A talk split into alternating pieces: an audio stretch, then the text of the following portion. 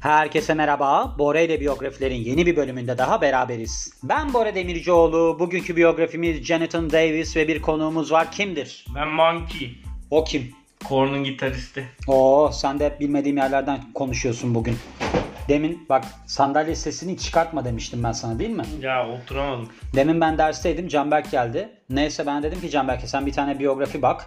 Bana dedi ki Jonathan Davis. Ben dedim ki o kim ya? Hayatımda duymadığım adamları söylüyorsun. Sonra dedi ki Korn'un neyi bu? Lead vokali değil mi? Evet. Lead vokali dedi. Ben dedim ki ben tanımıyorum onu. Onu yapmak istemiyorum filan dedim. Huysuzlandım. Geçtim bir tane kirişin altına ağlamaya başladım. O da anlattı dedi ki bak dedi şöyle hikayesi var böyle hikayesi var. Gerçekten okuduktan sonra ben dedim ki vay be bu adamın ne biçim bir hayatı varmış. Yani Dahmer tamamen tercihen olunuyor galiba değil mi? Evet. Bazı insanlar Dahmer oluyor bazıları da Korn'un vokali oluyor. evet. Değişik. Ve şöyle kendisini nereden Çok tanıyor? güzel söyledin ha yalnız o lafı. Neyi? Bazı insanlar daha bazıları kornu. Yani çok keskin bir yol ayrımı var. Evet öyle. Evet. Biyografimizin üzerinden gidiyorum Çok Can Bey. beğendim yani lafı. Teşekkür ederim. Bunu Bunları Jonathan. Davis'e kendin söylesen o da beğenirdi bence. Jonathan Davis'e kendim söylersem Can Berk'i dediğine göre JD diye söylemem gerekiyormuş. Çünkü grup arkadaşları öyle diyormuş. Yo JD. Evet öyle demem lazımdı. Evet burada da hatta J. Devil, ola- Devil olarak da geçiyormuş. Ve şöyle kendisini biz nereden tanıyoruz? Ben tanımıyorum da yani. Korn'un birkaç tane şarkısını dinledim galiba. Birkaç tane tişörtünü giymiş olabilirim. Biliyorsun benim bu metal gruplarıyla alakalı öyle yaklaşımlarım var. Tişörtlerin üzerindeki resimlerini beğeniyorum. Ve New Metal grubu Korn'un ön adamı ve lead vokal olmasıyla tanınıyor. Bu New Metal ne demek Cemal? Çıplak nedir yani? Çok sert olmadı, olduğu için mi? Yo yani o dönem yani yeni akım metale new metal denmiş. Ha new new'dan mı new? Hı. Ha ben de böyle çıplaklık içerdiği için zannettim. Yo onları Tamam. O zaman doğum tarihini söylüyorum. 18 Ocak 1971 doğumlu. Bakersfield, Kaliforniya, Amerika doğumlu. Şimdi burada uzman gerçekten de Canberk'tir. Canberk çünkü ben yaklaşık seni kaç senedir tanıyorum? Yani böyle birebir tanıdığım herhalde bir 20 senesi var. Evet. Bu 20 senesinin 18 senesinde metalciydi Canberk. Ondan sonra bir dönem bir basketbol oynar gibi oldu. Hakem oldu. O sıraları da hatırlıyorum. Ama yine paralelde hep metalciydi değil mi Canberk? Gizli bir metalci Gizli olarak. değildim bayağı. Aleni bir Yani metalciydim. basketbol kortunda. Hatta ben bir keresinde Canberk'i metalci arkadaşlarıyla beraber pide salonunda gördüm. Ondan sonra neyse pide salonunda pide yiyorlardı. Ben de gittim anne dedim ki Canberk'in yanında çok tuhaf tipler vardı falan. Sonra Canberk'in annesi Canberk'i dövmüş. Niye pide yediniz diyor. Öyle bir şey hatırlıyorum ama. Ve kendisine gelirsek Jonathan Hausman Davis yani Ozone Ones kısmını girişte vermiş. Popüler olarak tanınan ismi de J.D. Or ya Or diyorum ya da J. Devil. Amerikalı müzisyen ve Korn grubunun bu da metal grubu lead vokali. Şöyle kendisinin aslında müziği böyle karanlık olmasıyla tanınıyormuş. Bununla beraber de böyle bir işte taciz ya da hissel travmaları yansıtıyormuş ki bu da aslında kökeni olarak Davis'in çocukluğuna dayanıyormuş. Çünkü çocukluğu son derece istismara dayalı ve de korkunç geçmiş. Birazdan bahsedeceğim. Hani Damer dediysek öyle kafamızdan uydurmadık yani. o kadar fazla çeşitte şey şiddete uğramış ki şöyle hissel, fiziksel, zihinsel ve seksüel olarak büyüme zamanında istismara uğruyor ve daha küçük yaştayken anne babası boşanıyor. Galiba konuşamayacağım. ben Boğazıma devam şey- edeyim. Evet gerçekten. Ve ardından da üvey annesi kendisine işkence ediyor. Bununla beraber bir aile dostları bu adama cinsel yolla istismarda bulunuyormuş. Okul arkadaşları da kendisini acımasızca eleştirip kabadayılık taslıyormuş. Neden? Çünkü farklı kıyafetler giyiyormuş, farklı tarzda müzik dinliyormuş ve bununla beraber de sürekli olarak bu adamı böyle bir hani dövme mövme durumlarına giriyorlarmış. Hani sen niye böylesin gibi. Senin böyle şeylerin var mıydı? Yok. Yapmışlığın var mıydı birine? Yok. Benim şöyle bir şeyim vardı. Yani böyle bir durum değil de. Şimdi bizde böyle çok çalışkan çocuklar vardı. Satranç oynarlardı. Hani çalışkan ya onlar. Satranç oynarlardı. Ben de çok ilgiliymişim gibi yanlarında durup satranç taşlarını çalardım. Cebime koyardım. Ondan sonra satranç oyunu bir noktadan sonra devam edemiyordu. Çünkü mesela piyonların hiçbirisi yok. işte kale yok falan. Bully. sonra o çocuklardan bir tanesi ağlayarak bana saldırmıştı ve demişti ki senden nefret ediyorum. sonra neyse tabii o üniversite sınavında Boğaziçi'ne mi girdi? Öyle bir iyi bir üniversiteye girdi. Çocuk unutmamış onu. Kill Bill gibi. Ben de o zaman hafta içine girdim. Hani tekrar dershaneye gidiyorum. Bana mesaj atmış. Bora ne oldu? Bir yere girememişsin duyduğuma göre ben Boğaziçi'ne girdim diye. Şey de sevmiş keşke. O piyonları al burnuna sok. Ama hiç üzülmemiştim. Hani böyle şey olur ya vay be. o- Çünkü böyle istemediğim bir bölüme girmişti. Hoşuma gitmiyordu yani. İmrenmedim. He, ben de şey gibi çocuk hak etti o yüzden Satranç taşlarının çalınması mı? Yok ya çocuk hani boğaz için kazanmış ya işte ama aslında hak etti yani satranç oynayarak bugünlere geldi. Aa yok canım ya. Hakkıdır filan tarzı bir şey. Zaten ben şöyle düşünürüm her zaman. Mesela bir insanın yeteneği varsa bir şeye yöneliyor diye düşünüyorum. Hı, Yani ben mesela şimdi bu ukuleleye başladım ya. evet. Diyorum ki benim yeteneğim olsaydı ben bunu zaten daha önceden çalmaya başlardım. Mesela senin gitarla alakalı olarak gitar çalıyorsun ya sen. Hı hı. Ne oldu da sen gitar çalmaya başladın? İşte bu müzik gruplarını dinlerken Tamam hoşuma işte. gitti. E ben de dinliyordum müzik grupları. Mesela ben niye gitar çalmaya başlamadım? İlginin olması lazım. İlgin oluyor, onunla uğraşıyorsun. Devamında geliyor işte. Hı hı. Şimdi sen neden podcast yapmadın da benimle başladın podcast yapmaya? Senin ilginden ötürü E işte öğrenmiş oldum. yani bu durum böyle oluyor.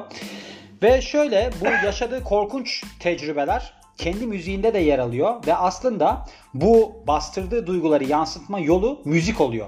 Kimden bahsediyoruz? Davis. Neydi adamın adı? Jonathan. De- Jonathan Davis. Ben geçen dün müydü? Dündü galiba. Donald Sutherland biyografisi yapıyorum. Neyse adını unuttum Donald Sutherland'ın. Bir şey söyleyeceğim. Adamın adını hatırlayamıyorum. Yanında da kimse yok ya. Tek başıma öyle kaldım. Devamında yukarı yukarı çıktım oradan hatırladım. Unutuyorum yani. Aralarda ismini söylemen gerekebilir. Çünkü bu adamı ilk defa duyuyorum.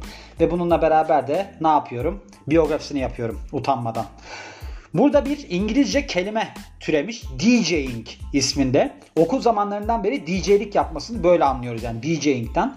Ve şöyle bir durum oluyor. Aslında müzikle alakalı olarak tutkusu gelişiyor bu noktadan itibaren ve bir grup kuruyor. Adı da Korn ve ardından da ticari yönden çok başarılı bir grup haline geliyorlar. Bu sıra dışı görüntüsüyle diyor. Niye böyle bir değişik bir görüntüsü mü var? Yo yani işte Farklı görüntüsüyle. Filan. E farklı işte. Ve bununla beraber de hayatındaki karanlık tarafı müziğin vasıtasıyla ne derler yansıtmasıyla tanınıyormuş. Aynı zamanda da 8 kez Grammy'ye aday olmuş ve bunlardan 2 tanesini kazanmış. Gerçekten. Yani zaten bu insanların hep böyle geçmişlerinde işte ne bileyim zorbalığa uğramaları bilmem neleri. Benim de aslında yapımdan dolayı zorbalığa uğramadım ama uğrayabilirdim. Neden? Çünkü ben mesela futbol maçı izlemem. Sevmem öyle şeyleri. Futbol oynamam filan. Herkes bana şey diyor. Sen niye futbol oynamıyorsun? Niye futbol izlemiyorsun? Arkadaş sevmiyorum yani. Hala da sevmiyorum mesela. Yani mesela ben böyle bir baskın yapım olmasaydı ben de kesinlikle mesela sana diyeyim şu an Korn'un olmasa Placebo'nun vokali bendim. Hı. o ışığı görüyorum kendimde. Nickname olarak geçiyor. J.D. J. Devil. Also known as Jonathan Houseman Davis. J. Devil. 51 yaşında şu anda ve boyu 1.80. Woo! İdeal erkek Boyu boyunda. 1.80 değil ya. Bunun boyu uzun. 1.88 falan. Boyu Burada bir 1.80. Yanlışlık var. Yok. Burada Bakalım. yazıyor işte. İstediğin yere yaz. Neredeyse o kadar yalan konuşacaksın ki 1.77 diyeceksin değil mi? Aynen. Yani sırf şey olsun diye. 1.80 arkadaşım üzgünüm yani. Ne oldu? Boy 1.88 diye yani Google'da yazınca boy 1.88 mi oluyor? Allah Allah. Ya bu adam Ya bırak bunları. bu adam bak bunlardan uzun sahneleri grup diğer elemanlarından bu adam boyu 1.83'müş. Şu anda gösterdiği adam Fred Durst ve boy 1.72 yazıyor Canberk. Hayır Brian Welch'i gösteriyor. Evet, evet. Belki Brian Welch topuklu ayakkabı giyiyor. Nereden biliyorsun? Niye? Olamaz mı? Olamaz mı? Brian Welch öyle Ha. bir insan değil. Çocukluğuna dönüyoruz. Kendisi Kaliforniya'da Bu Rick- yanlış. Kaliforniya'da Rick Davis ve Holly Chavez'ın oğlu olarak dünyaya geliyor. Babası Buck Owens ve Frank Zappa için keyboardistmiş. Yani klavye çalıyormuş. Annesi ise bir aktris ve profesyonel dansçı. Davis 3 yaşındayken anne babası ayrılıyor ve kendisi de babasıyla beraber devam ediyor hayatına. Gördüğün gibi burada da ne oluyor Canberk? Boşanma. Gene boşanma var. Ve biz gene 3 metrekarelik mutfakta podcast'imize devam ediyoruz yani. Anne babanın demin de sordum tekrar sorayım. Belki değiştirmişsindir fikrini. Boşanmalarını sağlayacak bir atılımda bulunmayı düşünüyor musun? Bu, düşünüyorsan nedir? Müjdeli bir haberim var. Boşanıyorlar. nedir? Annem geçenlerde bir avukatla görüşmüş. ne konuda olduğunu bilmiyorum. nedir müjdeli haber bu muydu? Buydu. Yalan da ama inanmıyorum yani. Ben işte annemi kandırmaya çalışıyorum. Ya anne neyse filan diyorum hani. Babam nerede deyince sorunca işte orada diyor ben ha neyse filan diyorum hani böyle bir kurt düşürmek için içine bakalım.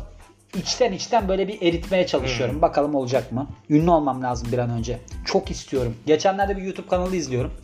Neyse bir çocuk çıkmış. Şey diyor. Abi diyor ben diyor o kadar çok ünlü olmayı istiyordum ki dua ediyordum diyor dua ediyormuş. Hı hı. Sonra ne dedim ya bu çocuk nereden bulmuşlar bunu falan. Çocuk adam demez mi kaç para kazanıyorsun? Dedi ki abi dedi ayda dedi 50 bin lirayla 500 bin lira arası kazanıyorum. Ben dedim ki ya Bora ben de sen niye dua etmedin ya bu zamana kadar ünlü olmak için? Sen dua ettin mi hiç ünlü olmak için? Benim öyle bir isteğim İşte olmadı yani. olmalıydı. Yani iki aylığına olsaydı şu anda hayatın kurtulmuştu. Bir milyonun olurdu. Otururdum tatil yapardım. Neyse. Babasıyla gittiği kısımda kalmıştık. Şöyleymiş çocukluğunda bu adam Davis akut astımdan şikayetçiymiş. Ondan muzdaripmiş yani. Hmm. Davis'in son derece korkunç bir çocukluğu oluyor. Hem hissel olarak hem de cinsel olarak istismara uğruyor. Üvey annesiyle özellikle korkunç bir ilişkisi varmış. Çünkü bu kadın kendisine fiziksel olarak işkence ediyormuş ve ardından da babası bu kadından boşanmış bu sebeple. Babası iyi adam ya da durumu görememiş mi nedir bilmiyorum. Davis ardından liseye gidiyor. Highland High School'a gidiyor ve buradan 89 yılında mezun oluyor. Aynı zamanda San Francisco School of Mortuary Science'a da gitmiş. Bunun ne olduğunu bilmiyorum. Hatta mortuary nedir onu da bilmiyorum. Şey morg. Morg bilimleri mi? Hı hı. Attım bir şey ha. Ya şey bu adli ne deniyor? Adli tıp mı? Tabip mi deniyor? Ha. Bir şey yapıyor. Falan. Diğer öğrencilere göre Davis biraz daha farklı olduğu için her zaman kabadayılığa maruz kalıyor okulda. Kariyerine gelirsek 1987 yılından itibaren Davis DJ'lik yapmaya başlıyor ki bu zamanlarda aslında henüz lisede. Burada alter ego geliştirmiş kendisine. Buna da isim olarak J. Devil diyor. Sık sık DJ'lik yapıyor lise partilerinde ve de bu çaldığı müzik türleri arasında New York Freestyle, Miami Bass, Gothic falan var. Yani tarz olarak baktığımızda. Jeff Creed yapımcı ve de Underground Chicken Sounds'un sahibiymiş bu kişi. Davis'e garajında yaşama izni veriyor ve burada da zamanla Korn grubu gelişiyor. Böyle bir konserler falan vermeye başlıyorlar. Ardından da Huntington Beach'te 93 yılındaki performansları sonrasında dikkat çekiyorlar. Şöyle bir şey oluyor. Evet. Bunun orada burada şu an Sex Art diye bir grubu var. Hı hı. Ee, bir de Korn'daki elemanlar yani şu anki işte davulcu e, gitaristlerden biri bir de basçı Monkey Field bir de David'di galiba adı. Onların başka bir grubu var. Evet. LAPD diye. Evet. Bir gün bunu görüyorlar o diğer grupla şarkı söylerken. Sonra diyorlar ki gel biz de çal. Korn'u öyle kuruyorlar. Hmm. Hı hı. Bu şeyde de öyle bir hikaye yok muydu? Bu şey şarkı... Linkin Park. Hayır hayır. Neydi bu adamın hani ilk bu Nonny metal... James diyor. Onun da öyle bir şey var değil mi? Evet. Demek ki bu olay böyle gelişiyor.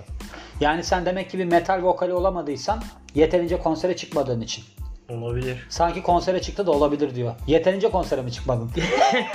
Bir kere çıkmışlığım var. Aa, Evet tabii. ne konseri? Korn değil. Ay ne konseri? ya bir tane böyle bizim üniversite festival sahnesinde işte bir bizim arkadaşlar çalıyordu. Sonra buna bir tane gitaristin bir sıkıntısı vardı yani o gün. Beni arkada ritim gitarı bana çaldırdılar. Aa ben de zannettim şarkı söyledin çıkıp. Ha yok canım. Hep seni öyle düşündüm. Hatta şöyle düşündüm. Dedim ki bu kesin okul festivalinde Canberk deli gibi içmiştir. Sonra da sahneye atlamıştır. Onu şimdi bize böyle anlatıyordur dedim. Yok. Ama gitar falan çaldıysan evet bayağı çalmışsın. Tebrik ederim. Rica ederim. Bunu bizlerle paylaştığın için çok teşekkür ederiz. Bundan sonra Grammy oynayacağım. Ve ardından da grubu Korn'la yaptıkları ilk albüm ki adı da Korn'muş 94 yılında Epic Records Immortal etiketi altında yayınlanıyor. Burada aslında konu olarak albümün yani teması olarak Davis'in bu hani yürek burkan çocukluğu işte istismarı ve uyuşturucular konu alınıyor. Ve şeyde de Billboard 200'de de 72. sırada yer alıyor. 96-99 yılları arasında Life is Peachy 99, 96 yılında, Follow the Leader 98 yılında ve Issues 99 yılındaki albümleri yayınlıyorlar. Şöyleymiş bu Issues albümü 99 yılındaki Billboard 200'de bir numaraya yerleşiyor. Follow the Reader, Leader, Reader diyorum, Leader Double Platinum yani çifte Platinum ödülü alıyor. Ve ardından da aslında bu Issues 99 yılındaki albümü Sick and Twisted turnesi yapılan bir albüm uğruna. Korn'un 5. stüdyo albümü Untouchables 2002 yılında yayınlanıyor ve aslında metal fanlar arasında instant bir hit oluyor. Yani aniden hit mertebesine ulaşıyor. Yani hit ne derler öyle mi denilir? Evet. Hit mertebesine ulaşıyor.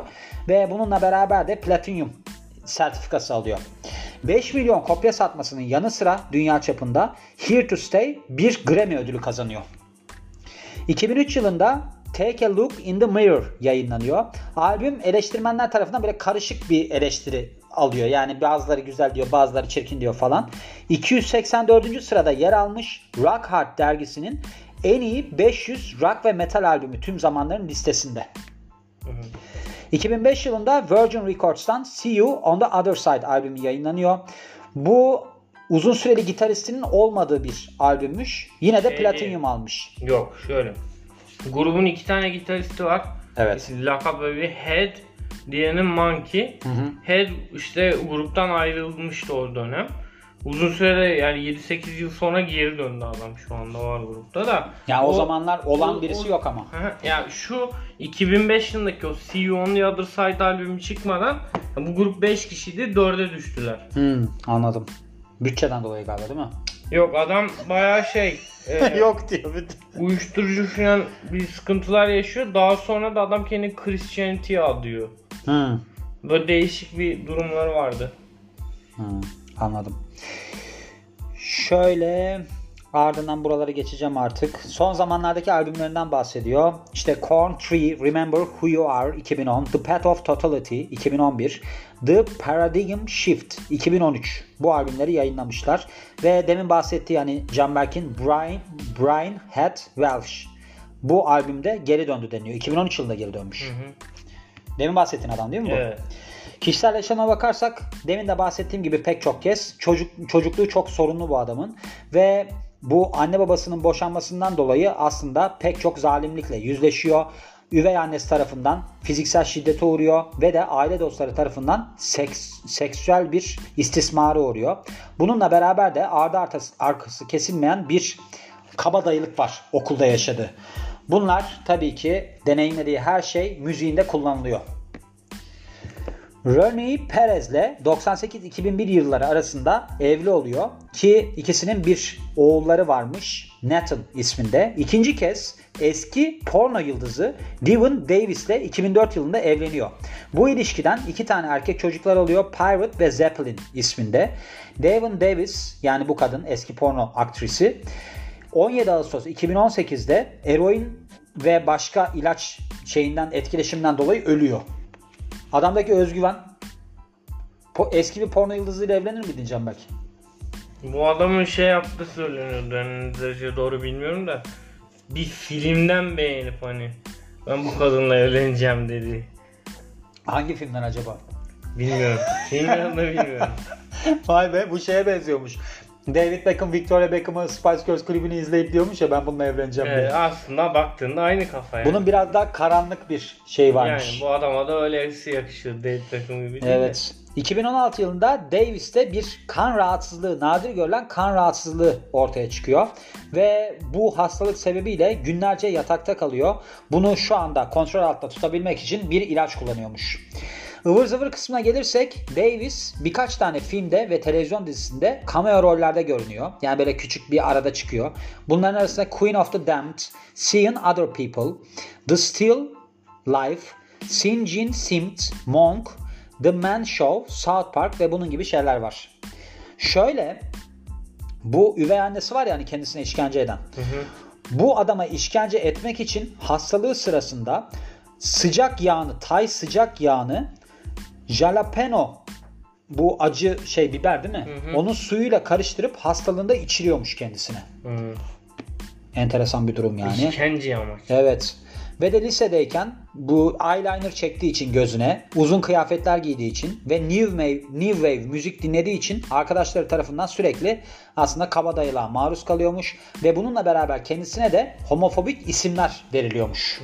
Böyle bir durumu da varmış yani. Gerçekten iyi bir biyografiymiş. Yani bazı insanların işte hani başında da bahsettiğim gibi tamamen tercihiyle alakalı oluyor galiba gelişimleri. Böyle şey şarkı sözü var mesela Faggot diye bir şarkısı var. Evet. Faggot zaten Türkçe'de İ yıldız N E oluyor değil mi? Evet yani buna yapılan mesela bu bullilere karşı You Can't Bring Me Down diye bir şarkısı vardı. Yaşanmışlık bence çok önemli bir şey. Ama işte bunu aktarabiliyorsan daha değerli oluyor. Yani öyle yaşadığınla da kalabilirsin yani. Bir tane de Kill You mu ne öyle bir şarkı vardı. Onun anne o işte o stepmother dedi üvey annesine yazmıştı. Sen burada bazı bilgilerin güncel olmadığını falan söylemiştin. Hani demiştin ya babası hakkında. Ha kendi bu şey e, cinsel istismara uğradı babası tarafından söyleniyor falan diye bir laflar vardı. Burada yazmıyor ama zaten. Da işte yani bu Daddy diye bir tane şarkısı var da Hı hı. onunla ilgili falan. O olayın bunların yakınında bir e, tanıdığı yani okuldan mı öyle bir kıza ailesi tarafından böyle bir babası tarafından taciz ediliyormuş kız. O şarkıyı onun üstüne yazmış. Hı. Bir de şeylerden bahsediyor. Bu adam dedim ya adli tabip olarak Evet. asistanlık yapmış, morgda çalışmış filan. Ee, bir ara o işte şarkı sözlerinde zaten ondan da bahsediyor. Bir ara diyor ki şeyden bahsediyor. Çok fazla çocuk ve genç ailesinin evinde kullandığı uyuşturucuları kendileri içip ölüp hani karşıma çok geldi böyle vaka. Uzun süre diyor kendime yemiyorum. Psikolojik tedavi görmüş hep. Yani anne babasının kullandığı ilaçları mı içmişler? Evet çocuklar yani böyle evde mesela işte uyuşturucu hap buluyor bir şeyler onları içip ölen bir sürü çocuk. Kasıtlı mı yanlışlıkla mı? Oralarını bilmiyorum da yani. Kendi de zaten onu araştırıyor. Çünkü Amerika'da öyle bir şey vardı yani geçmişte bu demir hapları çocuk ölümündeki en büyük faktörmüş. Hmm. Hani bu kilitli ilaç şişeleri var ya o, o sebeple çıkmış. Çocuklar açamasın diye. Muhtemelen küçük çocuklar o tarz şeylerden ölmüş de 16-17 yaşında çocukların öldüğünden bahsediyor. Onlar overdose'dan filan ölen de varmış. Yani Yani. olabilir evet. Başka söylemek istediğin bir şey yoksa kapatabilirsin bu arada. Değişik bir adam. Ben bunu ilk 2005'teki Rock and Rock'ta izlemiştim kon- konserini. O zaman baya şişmandı. Şey Zayıf bir adama benziyor. Şu anda acayip zayıfladı işte bu şeylerden baya reha- rehabilitasyonlardan falan geçti. Ha. Hayatını düzene soktu gibi. Ama rehabilitasyondan geçtikten sonra insanların daha çok kilo alması gerekmiyor. mu? Uyuşturucu zayıflatan bir şey yani. Ya bu adam bir, bir ara acayip tuhaf zayıfladı. Aha. Sonra bir anda gene çok kilo aldı falan. İşte onun için Canberk sporu her zaman yapman lazım. Bugün Canberk geldi mesela dedi ki işte biz başlayalım mı falan diyor. Ben de yer fıstığı yiyorum. Dedim ki niye senin işin mi var? Dedi ki evet spor yapacağım. Canberk'i öyle bir noktaya soktum ki çocuk sanki buraya podcast yapmaya geliyormuş gibi. Ama doğru bir şey yapıyorsun yani. Bak hem podcast Teşekkür yapıyorsun hem de spor yapıyorsun. Onun için spor, ama Spor hocamın da katkısı. Bak çok büyük. geçenlerde şey bir tane bir konuşma dinledim. Bir sporcu bir kadının şey diyordu Amerikalı yani o. Amerikan toplumunun diyordu sorunu aslında şey değil. Böyle bir kilo yağla alakalı değil. Hani kilo alması. Hmm. Kassızlığıyla alakalı. Kas yapmadığı için insanlar yemek yediğinde yağlanıyorlar. Hmm. O doğru bir yaklaşım. Mesela ben de çok yemek yiyorum ama kilo almıyorum. Amerikan toplumunda şey var ama hareketsizlik üzerine kurulmuş gibi bir durum var. E, Her şey öyle tabi. Oturuyor bir de porsiyonlar çok büyük. Çok kalorili şeyler var. Orada o şey var ya Super Bowl. Hı hı. Orada bir tane ürün vardı bilmem ne markasının. Yani 2000 kalori falan böyle bir yediğin zaman 2000 kalorilik bir üründü. Abi biz bir ara şey o e, bir arkadaşımla o Super Bowl'u izlemek için toplanmıştık. Sanki şey ne bileyim Jersey'de yaşıyoruz yani gerçekten. Evet, gerçekten. Ataşehir'de oturuyordu yani çocuk da. Neyse. Siz beyzbol hayranlısınız değil mi aynı zamanda? Yok. şey Beyzbol kartları Ice biriktiriyor. Hockey. Neyse bu işte son yayını bir şekilde bulduk açtık izliyoruz. Gece saat yani.